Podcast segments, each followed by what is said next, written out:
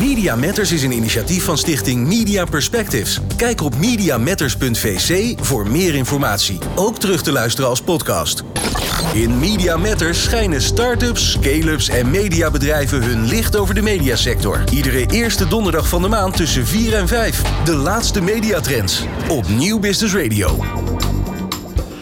Leuk dat je luistert naar Media Matters, de maandelijkse radioshow over innovatie in de media en ontwikkelingen op het Mediapark in Hilversum. Mijn naam is Bert Kok. Mijn gast vandaag is eh, Jan Muller, uh, directeur-bestuurder van de RPO, de regionale publieke omroep. Jan is sinds februari 2021 in de, bij de RPO nadat hij vier jaar in Australië zat als directeur van het Nationale Audiovisuele Archief in Canberra. Een onbekende is hij niet in uh, Omroepland. Want van 2009 tot 2017 was hij directeur van Beeld en Geluid. De voorganger dus van uh. En Jan is ook bij, uh, bij de RPO ook weer terug op het Mediapark. Jan, klopt toch? Want je dat zit klopt hier, helemaal. Ik ben weer terug. Je zit hier vlakbij in het, in het mediacentrum ja. op de derde verdieping. welkom Jan bij Media Matters. Dankjewel. Uh, Jan, uh, je bent op uh, 1 februari vorig jaar ben je begonnen hè, als uh, directeur-bestuurder ehm, bij de RPO. Eh, dat was midden in de coronacrisis eigenlijk. Hè? Ja. Want ik kan me toch wel voorstellen dat het toch best, best bijzonder was. Dat was bijzonder. Het was echt bijzonder. Ik ben ehm, weggegaan uit Australië. Ik heb afscheid genomen via Teams van mijn mensen. In Canberra, Sydney en Melbourne. Dus dat ging via schermen. Uh, uiteraard werkten net als hier in Nederland toen ook al geruime tijd via dat soort middelen met elkaar samen. Maar het is toch heel raar om op die manier afscheid te nemen. Maar ik heb ook op die manier kennis gemaakt met mijn nieuwe team. Dus dat, ook dat ging via Teams, dat ging via een scherm. En ik kan me nog herinneren dat de eerste keer dat we met z'n allen live bij elkaar waren, en dan bedoel ik de 13 omroepen, dat was in september. Dus dat was okay. ruim een half jaar nadat ik begon. Dat is voor het eerst dat we live uh, met alle directeuren en de RPO bij elkaar zaten. En uh, ja, dat is een hele aparte manier van, uh, van werken natuurlijk. Ja, ja, want eigenlijk was het. Uh, er waren twee dingen. Hè. Je had de coronacrisis, maar je kwam ook nog eens uit, uh, uit Australië. Ja. Wat andere omgeving, ja. zal ik maar zeggen, misschien ja. dan, dan hier. En, ehm, je was, je, maar je kwam hier wel eigenlijk in de vertrouwde omgeving terug, hè, waar je zo lang hebt gewerkt. en, en, en als je nu kijkt van hoe, hoe het was vorig jaar, wat, wat was er eigenlijk veranderd in die vier jaar dat je weg bent gegaan? Ja, wat je, het voelde niet eens alsof ik heel lang ben weg geweest. En ik ben in de tussentijd ook best wel vaak nog eh, naar Europa en Nederland gekomen. Omdat ik moest spreken op seminars bijvoorbeeld. Maar toch in die vier jaar is er veel veranderd. Veel gebeurd. Het is, ja, wat je zegt, de coronacrisis was natuurlijk eh, van grote invloed op een heleboel dingen. De manier van samenwerken. Dat, zag ik echt wel eh, als een, als een groot verschil met het moment dat ik wegging. He, dus wat bedoel je met manier Nou, de wijze, de wijze van werken via schermen op afstand. He, digitalisering heeft natuurlijk een ontzettende vlucht genomen als ja. gevolg van corona. Mensen werden digitaler, noodgedwongen, omdat dat de manier van samenwerken werd. Maar ik merkte ook wel, ik merkte ook wel verschillen in, in, uh, in maatschappelijk opzicht, uh, verharding, verharding van het politieke debat, de wijze waarop politici met elkaar omgaan in, in, in, uh, in debatten. Um, het e-, effect wat misschien daar ook weer um, um, uit voortkwam op, uh, laat zeggen, op de straat, gesprekken op de straat. Ik, ik merkte in het verkeer uh, een verharding. Uh, ik vond dat mensen veel agressiever waren op de weg. nou ja, diversiteit, inclusie, MeToo, allemaal dat soort, dat soort grote thema's die nu bovenaan ieders agenda staan op bestuurlijk niveau. Uh, die kwamen toen ook op. Dat was vier, vijf jaar daarvoor ook nog niet uh, echt uh, nog niet groot. Um, dus nou, in die tijd veel veranderd. en, en als het dan gaat om de regionale omroep. En de wijze waarin zij hun plek in het, in het bestel hebben, hebben ingevuld in de afgelopen tijd. Ook daar zag ik verschil. Ik werkte destijds bij Beeld en Geluid. Ja. Ook samen met regionale omroep. Ging het over archivering van hun materiaal bijvoorbeeld. En toen meer in die tijd was de regionale omroep had nou, was, was niet echt zichtbaar, was, was niet echt bekend, zeg maar. Uh, behalve bij, bij de, de achterbannen op de, in, de, in, de, in de respectievelijke gebieden. Maar toen ik hier terugkwam en merkte wat voor positie de regionale omroepen inmiddels hadden gekregen en ook werd gegund uh, en serieus werd genomen, dat klinkt allemaal heel, heel banaal, maar dat verschil merkte ik ook. Dus ja, er was wel degelijk een positie die uh, sterker was en groter was dan daarvoor. Ja, er was eigenlijk ook meer erkenning gekomen in Meer de erkenning, politiek. zeker. En ook meer geld eigenlijk. Hè? Ja, nou, Nou ja, tenminste tijdelijk geld. tijdelijk geld eh, op een aantal grote projecten, dat klopt. Ehm eh, bottom line is natuurlijk ehm, in 2014 behoorlijk veel bezuinigd. Dat en klopt. is, zijn ook de regionale omroepen eh, achteruit gegaan in budget. Maar goed, eh, er is geld beschikbaar. We kunnen ons werk doen. Eh, we hebben een concessie die loopt tot en met 2025. Dus in die zin weten we waar we aan toe zijn. En, eh, en wat je zegt is waar. Er zijn eh, tijdelijke middelen beschikbaar gesteld voor de versterking van de lokale en de regionale journalistiek. Daar doen we veel aan. En ehm, nou, dat helpt ons ook om eh, onze positie te verduidelijken en te versterken. Ja, nog even over het Mediapark. Hè? Want je kwam hier dan terug. Eh, merkte je daar nou eigenlijk nog eh, verschil? Afgezien van die grote ontwikkelingen die hier oh, waar iedereen ook mee te maken heeft. Maar eh, Nou, weet je, ik vond het vooral een, een, eh, een uitges... Ik, ik werd er een beetje, eh, een beetje triest van. Ik, ik ging weg eh, ehm, dat alles op volle toeren draaide hier. Er waren discussies over het oprichten van een Hilversum Media Campus bijvoorbeeld. Waar heel veel partijen met elkaar samenwerkten om iets moois te maken van Hilversum Mediastad. Er was ook heel veel aandacht vanuit de lokale politiek. Eh, Een wethouder die daar heel erg veel eh, werk van maakte. Een burgemeester die uiteraard heel veel werk maakte van eh, de positionering van Hilversum als mediastad. En alles wat daarbij hoort. En dat voelde je hier. Je voelde die vibes op dat mediapark. En toen ik hier terugkwam, ja, natuurlijk, de coronacrisis. Maar het was uitgestorven. Het was leeg. Ik had ook het idee dat het altijd regende als ik hier dan was. Het, het, het werd grijzer en grijzer. En ehm, dat vond ik wel een groot verschil. Ehm, daar dus is je- inmiddels wel gelukkig een beetje verandering in gekomen. Uiteindelijk toch? is dat, weer, is dat weer veranderd. En zie je, en het heeft natuurlijk heel veel met die crisis te maken gehad. Maar je ziet Ja. ook weer dat, dat samenwerking weer tot stand komen. Dat mensen weer positiever eh, naar elkaar kijken ook. Dus ik, eh, ik, ik ben, ik ben nu positief gestemd. Maar ik vond het eerste half jaar best pittig. Ja, kan me ook voorstellen. In die zin dan. Ja. Met welke ambities ben je eigenlijk aan deze baan begonnen? Nou, een, een hele duidelijke ambitie was eh, zorg voor een, eh, een verdiept concessiebeleidsplan. Ja, dat, daar zijn we ook het afgelopen jaar volop mee bezig geweest. Wat bedoel je met verdiept? Een verdiept concessiebeleidsplan wil zeggen, het komt voort uit een, ehm, een afspraak die we met elkaar hebben gemaakt toen we het eerste concessiebeleidsplan gingen schrijven voor de regionale omroep. Ehm, dat was in 2019. Op dat moment moest er een plan worden geschreven dat een periode van bijna acht jaar besloeg. Nou, je kan je voorstellen dat de toekomst voorspellen over een periode van acht jaar onmogelijk is. Eén jaar is al lastig, laat staan acht. Dus er is toen afgesproken met eh, het ministerie van OCW. Halverwege de rit gaan we een zelfevaluatie doen. Eh, we evalueren het plan. Eh, waar staan we? Wat hebben we gerealiseerd? Wat moet er nog gerealiseerd worden? Wat zijn dingen die ontbreken, die in de loop der jaren belangrijker zijn geworden? Ik noemde net een paar thema's bijvoorbeeld over diversiteit en inclusie. Dus evaluatie gedaan ehm, vorig jaar. Er is een aantal punten uit naar voren gekomen en we zijn met elkaar gaan schrijven aan een aantal wat we noemen strategische prioriteiten. Die zorgen voor nou ja, wat, we, wat we noemen het verdiepte eh, concessiebeleidsplan. Dus het, het huidige concessiebeleidsplan loopt door. Dat, dat is ook de basis op, eh, waar, waarop we bekostigd worden. Maar we hebben daar een aantal thema's bovenop gelegd. Eigenlijk dingen die destijds niet voldoende eh, werden belicht of konden worden belicht, omdat ze nog niet eh, belangrijk waren. Ehm, maar wel, wel van, eh, van groot belang zijn voor onze eigen toekomst. Ja. Denk aan, aan digitale transformatie. Denk aan innovatie. Denk aan inderdaad diversiteit en inclusie. Dat soort thema's hebben we toegevoegd. En daar ontwikkelen we nu onze plannen op voor de komende jaren. Dus vandaar een verdiept concessiebeleidsplan. Oké. Hier komen we zo meteen eh, nog gaan we daar nog verder op, Ja. eh, op in. Eh, wat, wat is voor jou nou eigenlijk eh, de, de allergrootste prioriteit bij de RPO? Nou, ik, ik heb gisteren een hele dag in Den Haag gezeten. Ik was aanwezig bij het mediadebat met staatssecretaris Oesloe. Ja. En ehm, eigenlijk alles wat daar gebeurde, wat besproken werd, ehm, zou je kunnen, kunnen samenvatten als mijn prioriteit voor de komende tijd.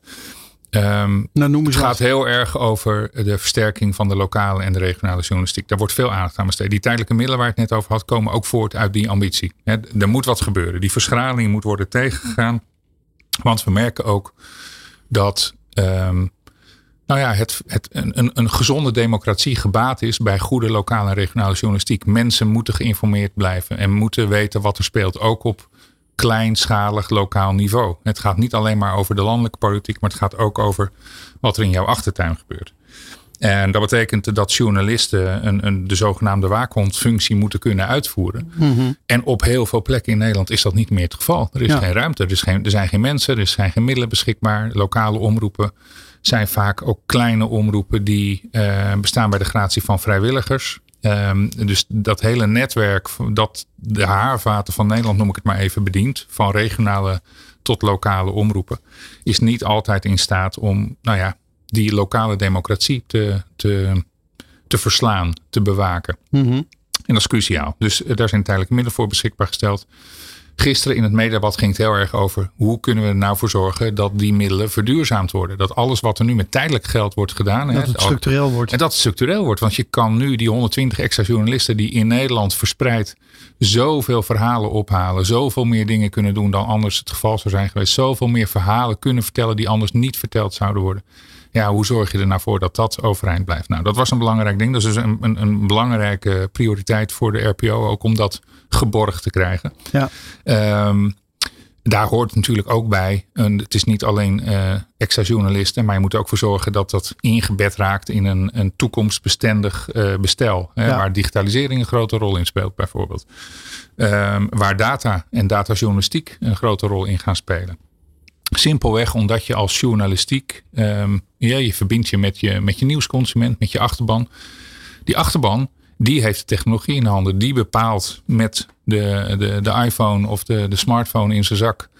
Um, welke app die drukt om het nieuws tot zich te krijgen. Dat, dat is niet meer aan ons. Wij moeten zorgen dat we vindbaar zijn en dat we bruikbaar zijn. En dat we nou ja, goed genoeg gevonden worden om gebruikt te worden. Dus dat, dat is de taak van een omroep. Um, de consument, de nieuwsconsument bepaalt met de technologie in handen of, of hij uh, of zij jou interessant genoeg vindt. Dus daar, daar moet je aan werken. Dat betekent dat je een, een goede digitale structuur moet hebben. Ja. Die werkt, die met elkaar is afgestemd. Die, uh, zoals we nu ook uh, recentelijk hebben kunnen doen, met 13 omroepen, eenzelfde platform enzovoort. Nou, dat zijn allemaal, dat is allemaal um, ja, randvoorwaardelijk, zou ik bijna zeggen, om goede journalistiek te kunnen bedrijven. Dus die digitalisering moet worden voortgezet. En dat is een belangrijke prioriteit. Ja. Daar gaan we zo meteen uitgebreider op, uh, op uh, in. Ja. Media Matters is zo weer terug. In Media Matters schijnen start-ups, scale-ups en mediabedrijven hun licht over de mediasector. Iedere eerste donderdag van de maand tussen 4 en 5. De laatste mediatrends op Nieuw Business Radio. Welkom terug bij Media Matters. Mijn gast vandaag is Jan Muller, bestuurder van de regionale publieke omroep. Um, Jan, uh, laten we het nog heel even over de RPO hebben. Want uh, niet iedereen is zo bekend hè, met, het, met het werk van de RPO. Uh, eh, in, bijna iedereen kent natuurlijk wel zijn regionale omroep. Maar, maar wat is nou jullie belangrijkste taak eigenlijk? Ja, wel grappig dat je dat zegt. Niemand, niet iedereen kent de RPO. En dat klopt. Dat, en dat hoeft ook niet wat ons betreft. Wij zijn, wij zijn de koepelorganisatie RPO. En mensen vergelijken het wel eens met een regionale NPO. Maar dat is niet het geval. NPO is een merk. Heeft zichzelf als merk geprofileerd. is een, een zichtbare drager voor, uh, uh, voor communicatie ook. Hè. En dus je ziet dat op je beeldscherm staan. RPO is echt een, een koepel. En dat is een koepel die um, eigenlijk, uh, we noemen het een samenwerkings- en coördinatieorgaan. Um, ik noemde net het concessiebeleidsplan. Dus we zijn verantwoordelijk voor de concessie. Die is, die ons, die is ons toegekend bij koninklijk besluit, zoals dat mooi heet. In 2019. Dat betekent dat, we, dat RPO, de koepel, verantwoordelijk is voor de concessie. Die gaat over mm -hmm. wat de 13 omroepen gezamenlijk gaan doen. Um, maar de uitvoering daarvan, die ligt bij de 13 regionale omroepen. Dus die zijn zelf verantwoordelijk voor de inhoud van wat ze doen. Dus wij hebben geen journalistieke um, uh, bemoeienis geen inhoudelijke bemoeienis, dat doen de 13 omroepen zelf. Maar we zijn er wel om die samenwerking te bevorderen en de coördinatie. Het raamwerk, zal ik maar zeggen. Het raamwerk en uiteindelijk om um, ook de doelmatigheid te bevorderen. En dat klinkt, klinkt heel vaag, maar daar moet je bij voorstellen dat het dan gaat over. Hè, we hebben zo'n zo 155, 156 miljoen euro per jaar te besteden met z'n dertienen. Dat, dat is veel geld. Als je dat over de 13 omroepen verdeelt, dan is dat weer, uh, nou ja, is dat alweer wat een ander beeld natuurlijk. Maar het betekent wel dat je, dat je goed en efficiënt en effectief met je geld om moet gaan. En dat bewaakt de RPO ook. Dus we streven naar samenwerking, maar ook naar bijvoorbeeld gezamenlijke inkoop. Je kunt met z'n dertien natuurlijk heel veel interessante uh, inkoopprocedures bedenken waar dat, uh, waar dat zinvol is en geld oplevert. Nou, ja. dat, dat, soort zaken horen bij het bevorderen van doelmatigheid. Je had het nu al even over het geld, hè, over het totale budget. Ja. Uh, de, de, regionale omroepen hebben ook 1350 FTE in dienst. Hè? Tenminste, dat zag ik. Ja. Nu hebben jullie als RPO, uh, uh, en dat is eigenlijk vond ik dat wel redelijk verbazingwekkend, een budget van 1,1 miljoen per jaar. Ja. als je nu naar dat totale budget kijkt en ik denk waar jullie voor verantwoordelijk zijn, ja. dan denk ik van wat, wat, wat kan je nou eigenlijk met zo'n bedrag doen dan? Nou, 5,5 FTE betalen bijvoorbeeld. Dus we zijn een klein clubje. Hè? Het, ja. Is, het is niet zo groot allemaal. En aan de ene kant hoeft dat ook niet. Hè? We stoppen dat geld liever in journalisten. Dat is, dat is waar ik het net ook al over had. Dat is, dat is onze core business. Uh, die 1,1 miljoen wordt ook nog uh, gebruikt voor het uh, doen van gezamenlijke projecten bijvoorbeeld. Mhm. Het betalen van evenementen die we organiseren. Ik noem maar iets. En inderdaad, we, we zijn een team van 5,5 FTE. Uh, dat is niet zo groot en uh, daar, doen we het, daar doen we al dat coördinatiewerk mee. Uh, dus dat, dat is inderdaad die 1,1 miljoen. En in het licht van het totaal is dat niet veel, maar dat zou ook, zou ook raar zijn als de koepel heel veel geld nodig zou hebben om die coördinatie te bewerkstelligen. Ja. Maar daarnaast hebben jullie natuurlijk wel, hè, jullie doen natuurlijk wel ook uh, projecten. Hè? Ja. Dus bijvoorbeeld, uh, ik kan me herinneren, de, jullie hebben 15 miljoen gekregen voor innovatie, een innovatiebudget. Een aantal jaren geleden was dat, twee of drie jaar geleden zeg ik ja, we, we, hebben, we hebben uit uh, innovatiegelden um, veel samenwerkingsbudgetten kunnen halen. Dus samenwerking op lokaal-regionaal niveau met lokale omroepen. Uh, met de NOS en de NLPO, de lokale omroepen doen we een groot project uh, ter versterking van de, van de, lokale, van de lokale journalistiek. Uh, daar is ook 4,5 miljoen euro mee gemoeid. Dus ja, dat, dat, um, dat loopt via RPO, maar wordt uiteindelijk weer gewoon direct uh, uitgegeven aan Mhm. mm -hmm. dit soort projecten ja, bij de omroepen. Dus in, in principe doen wij niks anders dan het coördineren van de samenwerkingsvormen. Ja.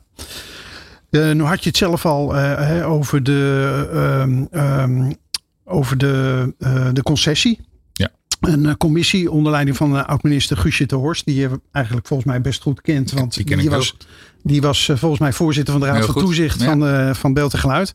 Uh, die heeft vorig jaar uh, de concessie geëvalueerd die aan de regionale omroep is verleend. En een van de conclusies was dat de rol van de NPO moet worden verstevigd en verduidelijkt. Ja. Ik, toen ik dat las, toen dacht ik, wat is er dan niet zo stevig aan en wat is er Wat dan er onduidelijk? aan? Wat is er dan onduidelijk aan eigenlijk? Ja, nou onduidelijkheid gaat vooral over wat is nou vooral het mandaat van zo'n koepel? Wat mag een koepel? Wat kan een koepel wel en wat kan een koepel niet? En nogmaals, ik vergelijk net met de NPO, daar is het helder. Die gaan ook over de inhoud en die, die zijn nu eh, met genres bezig en die bepalen hoe eh, dingen op eh, radio en televisie terechtkomen en online. Dat doen wij niet. Maar we zijn er wel degelijk om, om grote zaken te coördineren. Ik noemde net 5,5 FTE. Nou, dat is niet aan de ruime kant. Zeker niet als je het hebt over de, de verantwoordelijkheid voor 155 miljoen euro per jaar. En die doelmatigheidsrol die we ook vervullen. Daar komt veel mee, uh, mee kijken. Hè. Het gaat over jaarverslagen opstellen. Het gaat over begrotingen Misschien opstellen. ook over aanbestedingstrajecten? Aanbestedingstrajecten, Ja. juridische ondersteuning, uh, noem maar op. En dat, dat gaat ver. Dat, dat zijn uh, omvangrijke projecten. Dus Mhm. um, nou, enerzijds meer duidelijkheid over de rol en mandaat van de RPO. Die RPO is nog niet zo oud. Hè. Bestaat Nee. pas sinds 2016. Uh, in bestel nog niet echt bekend ook. Nogmaals, hoeft ook niet per se. Maar het is wel handig als het zeker in de wijze waarop journalistiek nu steeds meer in gezamenlijkheid bedreven wordt. Toch wel handig als je duidelijkheid hebt over de rollen van dit soort uh, organen. Dus dat is die duidelijkheid. Waar staat de RPO voor? Wat kan het wel, wat kan het niet? Um, stevigheid, nou ja, dat gaat over omvang. Kijk, we hoeven geen 20 man in dienst te hebben, maar een beetje meer. En bijvoorbeeld nu met de uitvoering van dat concessiebeleidsplan, dat verdiepte concessiebeleidsplan, dat is gebaseerd op een aantal strategische prioriteiten. Daar komt heel veel werk uit. Uh, ja, ik kan me voorstellen, het thema zoals uh, digitale transformatie, Ja. je noemde het net al, inclusie, uh, dat Ja. zijn natuurlijk dat zijn geen kleine vraagstukken. Nee. En dan maal 13. Hè? En elke omroep moet dat op zijn eigen manier kunnen invullen. Maar dat betekent wel dat dat gecoördineerd moet gebeuren. Anders Ja. dan uh, heeft het nog geen zin om gezamenlijk op te treden in dit soort zaken. Nou, en die coördinatie, ja, dat vergt veel, veel tijd en aandacht en, en mankracht. Nou, vandaar dat die, uh, die, uh, die stevigheid op basis van dus de het huidige gaat over de 5,5 stevigheid van de organisatie. Dus in Die- feite. Precies, dat Ja. die ter discussie werd gesteld in die evaluatie. Ja. Uh, nou, nou is natuurlijk uh, de onderlinge samenwerking is natuurlijk een uh, belangrijk thema hè, binnen de regionale omroepen. In het verleden is daar, ja, laten we het dan voorzichtig zeggen, dat liep niet altijd even soepel. Dan hoeven we de, geen oude koeien uit de sloot te halen. Maar de, de, ook de commissie ter Horst die zegt dat die samenwerking beter moet. Hè? Ja. Hoe, hoe, hoe, staat het daarmee? Hoe, hoe kijk jij daar tegenaan? Nou, eigenlijk een heel simpel antwoord. Um, toen wij begonnen met die verdieping van dat concessiebeleidsplan, zijn we natuurlijk eerst op basis van die evaluatie gaan nadenken over wat ontbreekt er nu. Hè? De punten uit die evaluatie, maar dat is, laat zeggen, bijna onder de motorkapachtige dingen. Dat, dat, dat kun je herstellen, dat is allemaal niet zo ingewikkeld. Uh, veel belangrijker is het waar, waar lopen we achter? Waar merken we dat we niet goed in staat zijn om onze nieuwsconsument te bereiken? we hadden het net al over de technologie en het feit dat mhm. die in de handen is van de gebruiker en niet in de handen van ons. Um, maar kennen we die gebruiker goed genoeg? Weten we nou echt wat hem of haar drijft als het gaat om nieuws consumeren? Nou, nee, is de conclusie. Dat weten we niet. Niet voldoende althans. We kennen de mensen. We staan in die regio echt letterlijk op ooghoogte met onze doelgroep. We kennen ze ook. Onze journalisten wonen daar, lopen daar rond. Kennen de mensen, kennen zelfs de, de politiek. Maar toch weten we nou echt wat de behoefte is van die nieuwsconsument. Ook via technologie en dat soort zaken. Nou, dat zijn hele belangrijke zaken. Daar moet je uh, gezamenlijk aandacht aan besteden. Dat is eigenlijk een van de belangrijke uh, leidmotieven voor die verdieping van het concessiebeleidsplan geworden. En eigenlijk door met elkaar aan dat plan te werken, hebben we de samenwerking gevonden die tot dusver, tot dat moment, nog niet zo manifest was. Dus mhm. door dat plan te schrijven met elkaar, wat ook echt met elkaar gedaan. Alle dertien omroepen zijn daarbij betrokken geweest. Van directeuren tot hoofdredacteuren.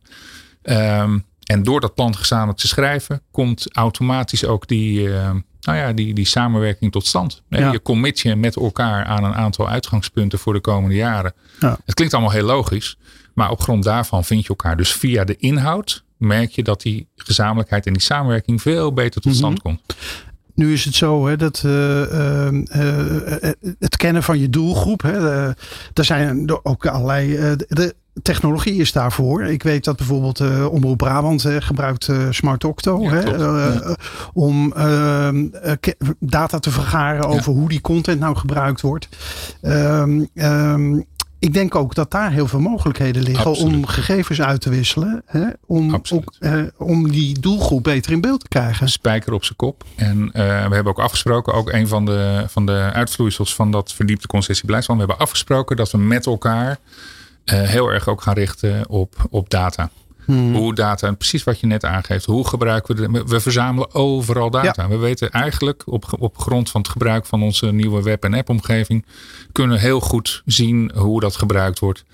Uh, we, we, zijn in staat om, om onze podcast zodanig te meten dat we weten wanneer mensen afhaken, op welk moment. Dat je op grond daarvan je volgende weer kunt verbeteren enzovoort. Nou, dat is nog maar een greep uit, uit wat er allemaal mogelijk is. Um, dus data als, als doelstelling om beter nieuws te maken, gerichter um, en een meer betrokken nieuwsconsument te creëren, is, is een cruciaal uitgangspunt. Ja. Daar komen we misschien straks nog even over te spreken. Blijf luisteren, we zijn zo weer terug met Media Matters. In Media Matters schijnen start-ups, scale-ups en mediabedrijven hun licht over de mediasector. Iedere eerste donderdag van de maand tussen 4 en 5. De laatste mediatrends op Nieuw Business Radio. Je luistert nog steeds naar Media Matters. Mijn gast is Jan Muller, bestuurder van de RPO, de regionale publieke omroep.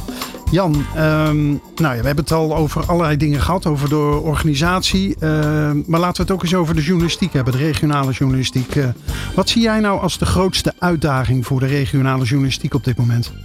Ik noemde het net al even aan aan de hand van het mediadebat dat gisteren plaatsvond in Den Haag. Maar het gaat echt, wat mij betreft, heel erg over hoe zorgen we nou voor dat die tijdelijke projecten, op basis waarvan we die lokale en die regionale journalistiek eh, echt een, een, eh, een boost hebben kunnen geven met echt effect op, eh, op democratie. Hoe zorgen we nou voor dat we dat borgen, dat we dat verduurzamen? dat, we, mhm. dat we die opbrengsten niet als een kind met het badwater weggooien als die tijdelijke middelen weer stoppen volgend jaar, medio 2023. Maar dat we ervoor zorgen dat die 120 journalisten die we nu extra hebben kunnen inzetten met elkaar, hè, door de lagen heen, niet alleen regio, maar ook het landelijk en het, mhm. lokale netwerk, hoe dat we, dat we die kunnen behouden en dat we die, nou ja, die opbrengsten die dat uh, heeft opgeleverd kunnen borgen. Ja, dat is maar daar is natuurlijk best wel flink wat geld voor nodig. Als je die, laten we nou die 120 mensen is. Nou, nou, daar heb je zo'n 10 miljoen per jaar voor nodig. Ja. ja. En, zit, en jij bent dan gisteren in Den Haag geweest. Uh, daar is natuurlijk gewoon uh, dan ook een politieke wil voor nodig om zoiets te realiseren. Daar moet politieke wil voor zijn. Daar moet ook uh, urgentie worden gecreëerd. En dat was gisteren overduidelijk aan de orde. Um, bijna alle partijen die het woord hebben gevoerd daar. Um, hebben gevraagd naar en gepleit voor verduurzaming van die. Van die uh, en gaat dat dan ook gebeuren? Dat is een volgende. Dat is natuurlijk niet aan, aan de, aan de mediawoordvoerders van de politieke partijen. Die kunnen hooguit uh, hun, uh, hun urgentie uitdrukken en, en het belang ervan benadrukken. Uiteindelijk is het de staatssecretaris die met het ministerie van OCW en uiteindelijk het ministerie van Financiën besluit over hoe middelen worden toegekend ja. en, en hoe hoog die middelen zijn. En er zijn natuurlijk heel veel andere dingen die ook betaald moeten worden. Ja. We hebben ook een landelijke, we hebben ook een NPO, we hebben ook uitdagingen op programmatisch niveau aan die kant. We hebben uitdagingen op het gebied van digitalisering. Uh, ergens uh, moet het geld verdeeld worden. Ja. En er is in het regeerakkoord 30 miljoen geoormerkt voor versteviging, versterking van de, van de mediasector. Daar wordt een groot deel uh, voor, de voor de versterking van de lokale omroep. Ja, want die hebben 11 miljoen gekregen. Hè? Ja, en, en dat is goed. Hè? Die keten uh, wordt versterkt. En daar kan, maar jij wou graag ook nog eventjes 6 miljoen uh, scoren. Nou, het mag ook nog meer zijn. maar, dat, maar even voor alle duidelijkheid. Dat is dan niet per se regionale omroep. Maar dat is wat mij betreft echt die 120 journalisten. Ja, ja. Die, die ook bij lokaal werken. Die ook lokaal en ook landelijk worden geworven. Ja, ja, want het zijn ook de verhalen die bij de NOS terechtkomen. Absoluut. Ja ja. Uh, maar, maar, maar he, als je nu even het, het slagveld overziet. Uh, jij zegt de bal ligt dan eigenlijk bij de staatssecretaris. Want de Kamer is eigenlijk voor. Ja. Uh, ik neem aan dat je die staatssecretaris ook wel eens spreekt. Die spreek ik wel eens. Ja, ja dus eh, denk je dan dat dat gaat gebeuren? Of, zij, zij geeft letterlijk aan dat ze die samenwerking wil stimuleren. En dat ze erachter okay. staat. En dat ze eigenlijk de plannen afwacht hoe dat te doen. Ja. Dus dat is, daar zijn wij weer aan de bal. Ja. Um, en verder gaat het natuurlijk, als het gaat om journalistiek, niet alleen om uh, extra poppetjes. Ja, dat is heel cruciaal, omdat we nu bezig zijn in dat proces van hè, het bewaken van die lokale democratie en de lokale en de regionale journalistiek versterken. Maar het gaat natuurlijk ook over hoe, en dat is misschien nog wel een belangrijkere vraag die overal boven hangt, wat mij betreft. Hoe blijf je als journalistiek relevant? En ja. we hebben natuurlijk al te maken met heel veel. Uh, tegenwind. Uh, persveiligheid was een heel groot thema gisteren in het mediadebat. Ik denk zelfs het, grootste onderwerp. Dat kwam uh, bij elke spreker aan de orde. Hoe zorgen we ervoor dat onze journalisten, journalisten beschermd blijven? Maar wat betekent dat ook weer in het licht van maatschappelijke ontwikkelingen in termen van nou ja, hoe, hoe wordt omgaan met fake nieuws? Hoe zorgen we ervoor dat mensen begrijpen wat journalistiek is en wat echt is en wat niet echt is? Ja. Wat is de rol van mediawijsheid daarin bijvoorbeeld? Ook een belangrijk onderwerp. Nou, Ja. dat, dat raakt allemaal aan de relevantie van de journalistiek op lange termijn. En dat is een, een, een belangrijk groot vraagstuk voor ons allemaal. Ja. Een van de redenen dat uh, regionale journalistiek natuurlijk op de, zo hoog op de agenda staat, is natuurlijk het feit dat ja, door de uh, um, samenvoegingen van kranten, het kleiner worden van regionale kranten, dat er een behoorlijk gat is uh, ontstaan hè? In, in, in, in verslaggeving, in het aantal journalisten wat, uh, wat, wat daar zijn werk doet. Um, uh, dus er zit ook een directe relatie met de commerciële mediabedrijven. Hè? Kan, ja. Uh, uh, hoe, hoe, kijk jij aan? Hè? Vroeger had je natuurlijk, nou ja, je hebt natuurlijk Wegener is opgeslokt door DPG Media. Ehm, al die kranten die boeren behoorlijk achteruit als het gaat over aantal abonnees. moeten toch met veel kleinere redacties doen in dat verband, hè, hoe kijk jij aan tegen publiek-private samenwerking? Er is in het verleden wel eens samengewerkt hè, tussen regionale omroepen en, uh, en mediabedrijven. Dat is nou niet altijd even succesvol geweest. Um, zouden bijvoorbeeld de spelregels daarvoor moeten veranderd uh, worden? Of, of hoe zie jij dat? Staatssecretaris noemde dat gisteren ook even in het mededebat en refereerde aan het feit dat zij, zij komt uit het bedrijfsleven en voor haar is publiek-privaat samenwerking een soort van uh, no-brainer. Ja. Uh, aan de andere kant, we, we hebben het gemerkt, um, er zitten twee kanten aan het verhaal. De ene kant is als je puur kijkt naar commerciële belangen, is het heel, heel moeilijk om aan de ene kant commerciële uitgevers bijvoorbeeld te overtuigen van het feit dat als je samenwerkt met publieke organisaties, dat het publiek voorop staat Natuurlijk, dat geldt voor hen ook. Maar in ons geval betekent dat dat het publiek gratis toegang moet krijgen tot nieuws. Dat is bijna onmogelijk te rijmen met de commerciële doelstelling van een beursgenoteerde onderneming. Daar gaat het om geld verdienen en winst maken. Nou, dat zijn twee moeilijk verenigbare begrippen als het gaat om journalistiek. Een commerciële uitgever zegt: Ik ga mijn journalistiek niet gratis weggeven. Een publieke uitgever of omroep in dit geval zegt: Het publiek krijgt, krijgt vrij toegang tot alles wat ik te bieden heb. Um, dat is de ene kant van het verhaal. En dan lijkt het op een padstelling uit te draaien waar je, waar je moeilijk uitkomt. De andere kant van het verhaal is, er zijn wel degelijk mogelijkheden. Bijvoorbeeld op het gebied van onderzoeksjournalistiek. Waar je elkaar wel vindt. Hè. Wij hebben ook met Follow the Money projecten gedaan bijvoorbeeld. Dat is anders. Dat, dat voelt alweer als um, nou ja, een ander type uh, journalistiek. Verdiepende journalistiek. Um, waar, waar partijen elkaar versterken om iets, uh, om iets, iets bloot te leggen. Uh, en dan heb ik nog een, een, een ander voorbeeld uh, in mijn hoofd uh, van recente datum uit eigen stal, waar um, de gemeente Amersfoort en Leusden een concessie hebben toebedeeld recentelijk voor lokale, mm -hmm. voor lokale journalistiek. Aan een consortium dat een publiek-privaat karakter heeft. Dus daar zit een regionale omroep bij, daar zit een researchcentrum bij, daar zit een bibliotheek bij. Uh, daar zit een, een digitale uh, uh, nieuwsfactor bij. Daar, daar, wordt een platform gebouwd dat 24 uur per dag digitaal aanwezig is. Alleen maar online. Mm -hmm. passend bij, meer en meer passend bij de behoeften van die nieuwsconsument. En dat vind ik een interessante ontwikkeling. Ik heb het niet per se over dat voorbeeld als dat zou overal dan maar op die manier moeten worden uitgerold. Maar het idee erachter dat je publiek-privaat wel degelijk in staat zou kunnen zijn om nou ja, dat nieuws op de juiste manier, op de juiste plek, uh, bij de juiste nieuwsconsument te krijgen. Ja, daar geloof ik in. En in die zin ja. kan publiek-privaat wel degelijk werken. Ja, want je zou ook kunnen denken dat je ook op het gebied van innovatie zou kunnen samenwerken. Hè? Dat hoeft nog niet. Hè? Dat, ze, ze noemen dat natuurlijk met het duurwoord wel eens pre-competitieve samenwerking. Maar je kan ook zeggen van nou, we gaan gezamenlijk investeren in de technologie, bijvoorbeeld om de doelgroep beter te leren kennen. Dat zou kunnen. Dan is altijd wel weer de vraag: hè, waar, waar ligt de IP? Wie, wie, uh, wie, wie, wie betaalt de, de ontwikkeling en wie krijgt vervolgens toegang tot de middelen die daaruit voortkomen? Um, in theorie ben ik het met je eens. Zou het moeten kunnen. Ik heb ook voorbeelden daarvan gezien in het buitenland. In Korea, Zuid-Korea bijvoorbeeld, steekt de overheid heel veel geld in het gezamenlijk met uh, grote commerciële bedrijven ontwikkelen van technologie waarvan de IP vervolgens in de markt wordt verdeeld over publiek en privaat. En daar zijn gewoon uh, echt spelregels voor afgesproken. In Europa ligt dat wat ingewikkelder met Europese wetgeving. Uh, maar in Zweden heb ik voorbeelden gezien bij regionale omroep waar dat ook gebeurt. Die werken samen met uh, private technologiebedrijven. Ja. Die toegang krijgen tot journalistiek om op basis daarvan en allerlei data toepassingen dingen te ontwikkelen. Die vervolgens weer door de publieke uh, instituten ja. gebruikt kunnen worden. Dus het kan. Het, je moet afspraken maken. Het kan wel. Ik ben het met je eens. Ja. Um, als het gaat over samenwerking, hè, de, de, regionale omroepen werken op nieuwsgebied ook natuurlijk nu nauw samen met de NOS. Hè. Ook dat is de afgelopen jaren in een behoorlijke stroomverstelling gekomen met bureau regio. Ja. Um, hè, nou, we zien daarvan op tv ook de resultaten. Hè, want je ziet het gewoon nu heel regelmatig in de journaals voorbij komen. Ja. Wat, wat, wat is nu, wat jou betreft, wat zijn de belangrijkste resultaten van die samenwerking?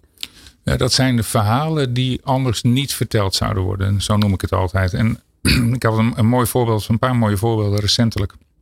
Rondom de coronacrisis. Toen um, um, onze RTV Oost uh, in samenwerking met 120, lokale omroep, onderzoek deed naar. Dat ging toen over testen voor toegang. Uh, je kunt je nog -hmm, herinneren dat ja. er op een gegeven moment uh, de poorten weer van de discotheken weer geopend werden. Maar je moest wel getest naar binnen komen. Nou, dat was natuurlijk één grote fraude binnen. Want al die kids die gingen daar naar binnen met, met vervalste. Uh, met vervalste testbewijzen. En, en nou ja, na een week um, zagen we de hoogste piek ooit, geloof ik, in de coronabesmettingen. En dat testen voor toegang, dat werd, en, en de fraude daaromtrent, die werd daar blootgelegd door, door onze verslaggevers. Dat leverde een interessant item op. Dat begon bij lokale omroep in samenwerking met regionale omroep. En dat haalde uiteindelijk het landelijke nieuws via de NOS. Datzelfde item werd dus doorgeplaatst. En werd een soort van context voor, voor landelijk nieuws. En dat leidde uiteindelijk tot Kamervragen. Dat weer heeft geleid tot nou ja, verscherpt toezicht op, uh, op uh, dit soort corona-achtige toestanden. Dus van een klein item in de samenwerking lokaal-regionaal tot een landelijk item, tot politieke, uh, tot politieke gevolgen. Dat is een mooi voorbeeld van hoe die samenwerking mm -hmm. kan leiden tot iets, iets heel groots en, en maatschappelijk relevants. Um, ja, en zo hebben we nog wel een paar mooie voorbeelden. Er was ook een voorbeeld van. Um, um, nou, nou, denk bijvoorbeeld aan de boerenprotesten. Ja. Waar ehm, de insteek van, ehm, nou noem maar wat, ehm, TV Gelderland anders is dan de, dan de Instagram stories van Omroep Gelderland. Het gaat over hetzelfde thema, maar ze kiezen een andere insteek. Gezamenlijk levert dat een heel mooi beeld op. Waar je, nou ja, afzonderlijk waarschijnlijk nooit aan toegekomen zou zijn. Dus daar zie je de kracht van de samenwerking wel degelijk ontstaan. Ja. Media Matters is terug na deze break. In Media Matters schijnen start-ups, scale-ups en mediabedrijven hun licht over de mediasector. Iedere eerste donderdag van de maand tussen 4 en 5. De laatste mediatrends op Nieuw Business Radio. In Media Matters schijnen start-ups, scale-ups en mediabedrijven hun licht over de mediasector. Iedere eerste donderdag van de maand tussen 4 en 5. De laatste mediatrends op Nieuw Business Radio. Welkom terug bij Media Matters. Mijn gast is nog altijd Jan Muller, directeur van de regionale publieke omroep. Uh, Jan, we hebben nu een aantal thema's uh, de revue laten passeren. Uh, laten we het eens hebben over de mediasector in zijn geheel. Wat zijn voor jou de belangrijkste ontwikkelingen op dit moment in de, in de mediasector? En dingen waar we zelf ook veel aandacht aan besteden in, ons, in, ons, in onze strategie voor de komende jaren. Dat gaat over on-demand en digitalisering. Dat, is, dat, is, dat zijn de thema's. Uh, vanuit journalistieke organisatie gezien, het nieuws wordt niet meer zeg maar, bewaard voor, voor de televisieuitzending in de avond, hè, zoals dat vroeger gebeurde. En werd er opgebouwd naar het moment dat het journaal op tv ging. Nou, dat gebeurde bij de regio natuurlijk ook. Maar dat wordt gelijk ontsloten. En zo nodig weer, weer gepusht en toegepast op de verschillende kanalen. Dus je hebt een heel andere kanalenstrategie. Platform onafhankelijk heet dat met een Platform onafhankelijk. Ja. Exact. Ja. Uh, en, en als je het hebt over uh, wat je zei, digitalisering en? En on-demand. Ja, on-demand. Ja. ja. Wanneer jou het uitkomt, consumeer jij het nieuws dat jij, dat jij zoekt. Ja. En uh, vandaar dat, je die, dat die vindbaarheid en die bruikbaarheid zo, zo cruciaal is. En daar ligt weer digitalisering aan ten grondslag. Hoe zorg je ervoor dat je nou ja, ik noem het maar even digital by design wordt. Dat je als, als bedrijf, als, als nieuwsorganisatie volledig digitaal uh, gaat denken en doen. Uh, en dat, dat noemen we dan digitale transformatie. En daar zitten we met z'n allen nog middenin. De een is wat verder dan de ander, maar eigenlijk sta je met elkaar, met de hele sector nog aan het begin, denk ik. Ja. Uh, en dat is, dat is een, een belangrijke reis. Zou het uh, met de, de, de, de publieke omroep of de, de landelijke omroep heeft natuurlijk zijn eigen on-demand platform. Zou, zou dat ook iets zijn voor de regionale omroep of is dat een beetje vergezocht? Nee, zeker niet vergezocht. Het gaat uiteindelijk ook over middelen natuurlijk die je daarvoor kunt, kunt inzetten. Ehm, maar een gezamenlijk platform, nogmaals, zolang het van nut is voor de consument, uh, zijn er dingen die je in ieder geval moet onderzoeken. is, er, is er een plek waar je al het regionaal nieuws aggregeert, regionale nieuws aggregeert en weer toegankelijk maakt? Ja, dat zou een, dat zou een platformfunctie kunnen zijn. Aan de andere kant weten we ook wel, kijk, ik zei net, RPO is geen merk en daar is een reden voor. De merken zijn RTV Utrecht, Omroep Friesland, uh, uh, RTV Drenthe, noem maar op. Dat zijn de merken die de mensen kennen. Hè. Daar voelden ze zich thuis bij, die zoeken ze op.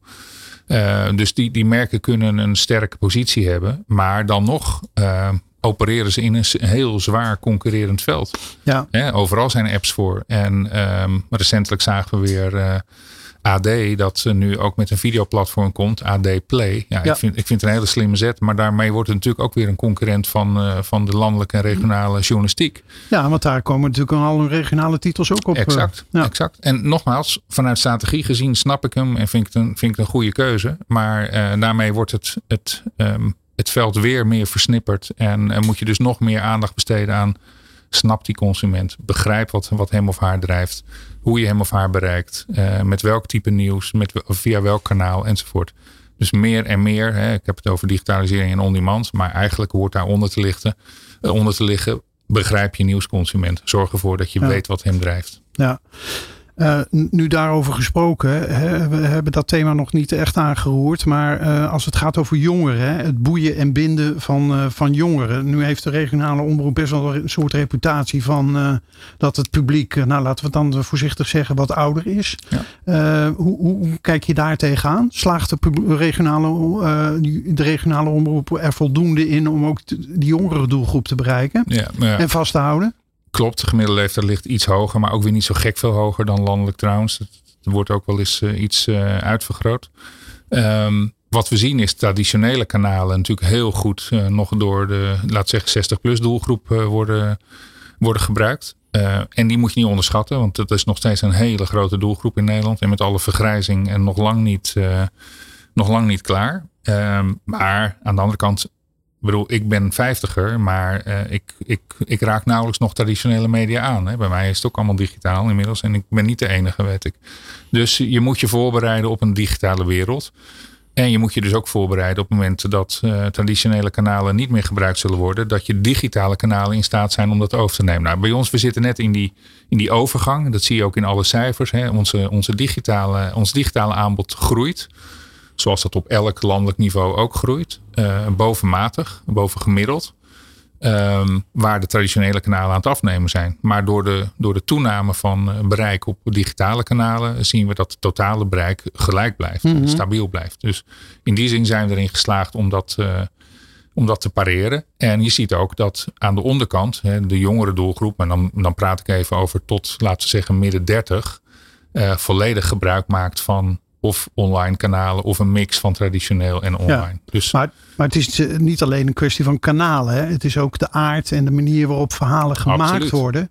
Uh, is dat niet heel moeilijk? Want je komt toch af en toe, merk ik, uh, ook uh, in een spagaat. Hè? Dat wat je maakt voor een oudere doelgroep, daar, daar worden wat andere eisen aangesteld dan wat jongeren willen bijvoorbeeld. Ja. ja die willen een andere manier, een andere manier van videomontage, willen het sneller, ja. maar nou willen misschien ook andere onderwerpen zien.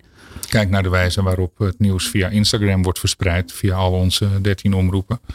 Dat is toch wezenlijk anders dan eh, via de webomgeving bijvoorbeeld. Mm en dat heeft alles te maken met uh, je doelgroep uh, benaderen op de plek waar ze zich bevinden en op de manier waarin ze zich herkennen. En ik denk wel dat dat een sterk punt is van de regionale omroepen. We, we kennen onze consumenten goed. Nogmaals, we wonen bij ze om de hoek, hè, om het zo maar te zeggen. En ehm, we zijn dus in staat om het nieuws op een manier te brengen dat hen, dat hen bereikt op de juiste wijze. Mm maar dat heeft alles te maken met opnieuw ken je doelgroep. Ja, ja. Um, laten we het eens hebben over het uh, publieke bestel. Deze week uh, kwam het commissariaat van de media met een advies op verzoek van de minister over, uh, over de publieke omroep. Daarin werd gezegd dat het bestel niet meer van deze tijd is en op de schop moet. Nou, toen dacht ik van nou, volgens mij hoor ik dat ook al twintig jaar. Maar goed, dat is weer een ander verhaal. Um, het publieke bestel zou onder meer onvoldoende zijn ingericht op de ontwikkelingen in technologie in het medialandschap. Um, hoe, hoe, heb jij als bestuurder van de NPO naar dat advies gekeken? Ik kwam eh, het commissariaat gisteren tegen bij het mediadebat en we hebben het er even over gehad. En ik vind het, ik vind het een, eh, een, een goed rapport. Um, en ik, zie het als de start van een discussie die moet plaatsvinden. En jij zegt terecht dat werd twintig jaar geleden ook gezegd. Ja, dat klopt. Toen hadden we het ook over, uh, we, moeten, we moeten digitaal, we moeten met onze tijd mee. Uh, zijn we nog in staat om onze achterban te binden enzovoort. Dus dat is niet nieuw. Dat is denk ik van alle tijden. Maar weet je, in het licht van alles wat er gebeurt om ons heen. En wij hebben het dan nu over de publieke sector. In dit geval gaat het over, over alleen nog over de landelijke omroep. Maar uh, uh, waar ik het gisteren ook met het commissariaat even kort over had. Dit kun je natuurlijk doortrekken in de lijn van landelijk, regionaal, lokaal. We, we hebben allemaal met diezelfde dingen te maken. Zeker. Ik noemde net ons concessiebeleidsplan. Er staat niet voor niks heel veel in over digitale transformatie. Dat, dat heeft hier ook mee te maken. Dus het is heel herkenbaar. We zijn allemaal met die dingen bezig.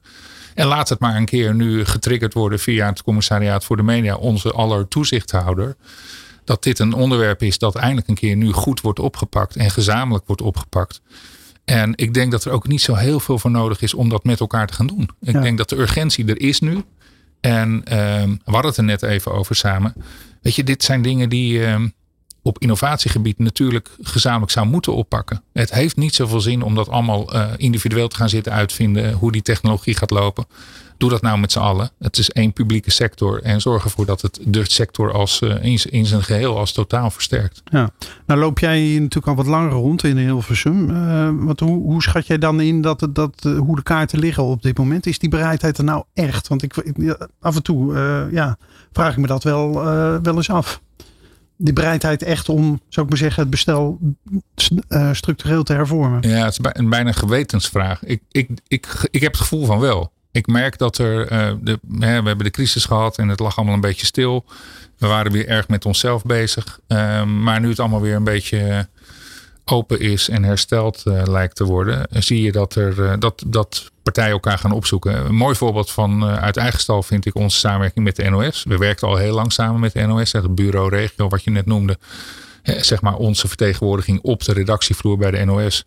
Dat staat daar ook al een tijdje. Maar we hebben recentelijk in april een journalistieke alliantie met elkaar uh, ondertekend. En daar gaat het echt over samenwerking, niet alleen op journalistiek gebied. Hè, dus gezamenlijke nieuwsagenda opstellen, daar kun je iets bij voorstellen. Of hoe je omgaat met het, uh, met het maken van nieuws en wie wat doet enzovoort. Ook daar, zijn, daar hebben we nu stappen in gezet. Maar misschien wel interessanter is dat je nu ook gaat kijken hoe, hoe doe je dat dan samen op het gebied van innovatie? Hoe ga je mm. om met je redactiesysteem? Hoe zorg je ervoor dat dat nieuws ook echt letterlijk via alle mogelijke platforms goed uitgewisseld kan worden? Klinkt allemaal heel logisch, maar dat zijn wel belangrijke stappen die ook een beetje samenhangen met deze discussie over technologie en gezamenlijke technologie ontwikkelen. Um, ik vind het een mooi voorbeeld van iets waar twee partijen die in feite onafhankelijk van elkaar zijn, toch elkaar opzoeken om uiteindelijk beter en meer nieuws te maken. Mm als we het nu hebben over de nieuwe inrichting van het publieke bestel, welke gevolgen zou dat dan voor de regionale omroepen kunnen hebben? Want dat, het staat niet geheel los van elkaar. Nee, zeker niet. Nee, en dat is natuurlijk een discussie die ook al een tijdje wordt gevoerd. Maar wat ik gemerkt heb in het afgelopen anderhalf jaar dat ik hier, uh, dat ik hier werkzaam ben, is dat de functie van de regio een hele wezenlijke is voor het versterken van de relevantie van de totale journalistieke keten. En nogmaals, dan kom ik weer op dat verhaal van we staan op ooghoogte met onze, mhm. met onze achterban. We kennen ze, we lopen daar rond. We zijn daardoor ook in staat om, laten we zeggen, context uh, te verschaffen aan, uh, aan, aan landelijk nieuws. Mm dus we verdiepen, zogezegd, het landelijke nieuws. En aan de andere kant doordat we met 13 professionele organisaties in het land zijn verspreid als een soort netwerk, een infrastructuur, um, kunnen we ook uh, de lokale journalistiek helpen te versterken. Dus we verdiepen het landelijke nieuws met onze context vanuit de regio hè, op journalistiek gebied. En we helpen de lokale journalistiek te versterken met onze infrastructuur, met onze professionele mensen, met, met uh, technologie enzovoort. Ja. Jan, eh, we zijn aan het eind gekomen van eh, deze aflevering van eh, Media Matters. dank dat je hier aanwezig was. Geen dank. Mijn gast was dus Jan Muller, directeur-bestuurder van de NPO. Ik weet niet of je al op vakantie gaat, Jan. Maar, ik ga volgende week op vakantie. Nou, ik wens je een fijne vakantie. Dank je. Media Matters gaat ook eventjes op vakantie. Want onze volgende uitzending is na de zomervakantie op donderdag 1 september. Mijn gast is dan Jendrik Tim, Head of Data van RTL Nederland. Bedankt voor het luisteren en tot de volgende keer. In Media Matters schijnen start-ups, scale-ups en mediabedrijven hun licht over de mediasector. Iedere eerste donderdag van de maand tussen 4 en 5. De laatste mediatrends op Nieuw Business Radio.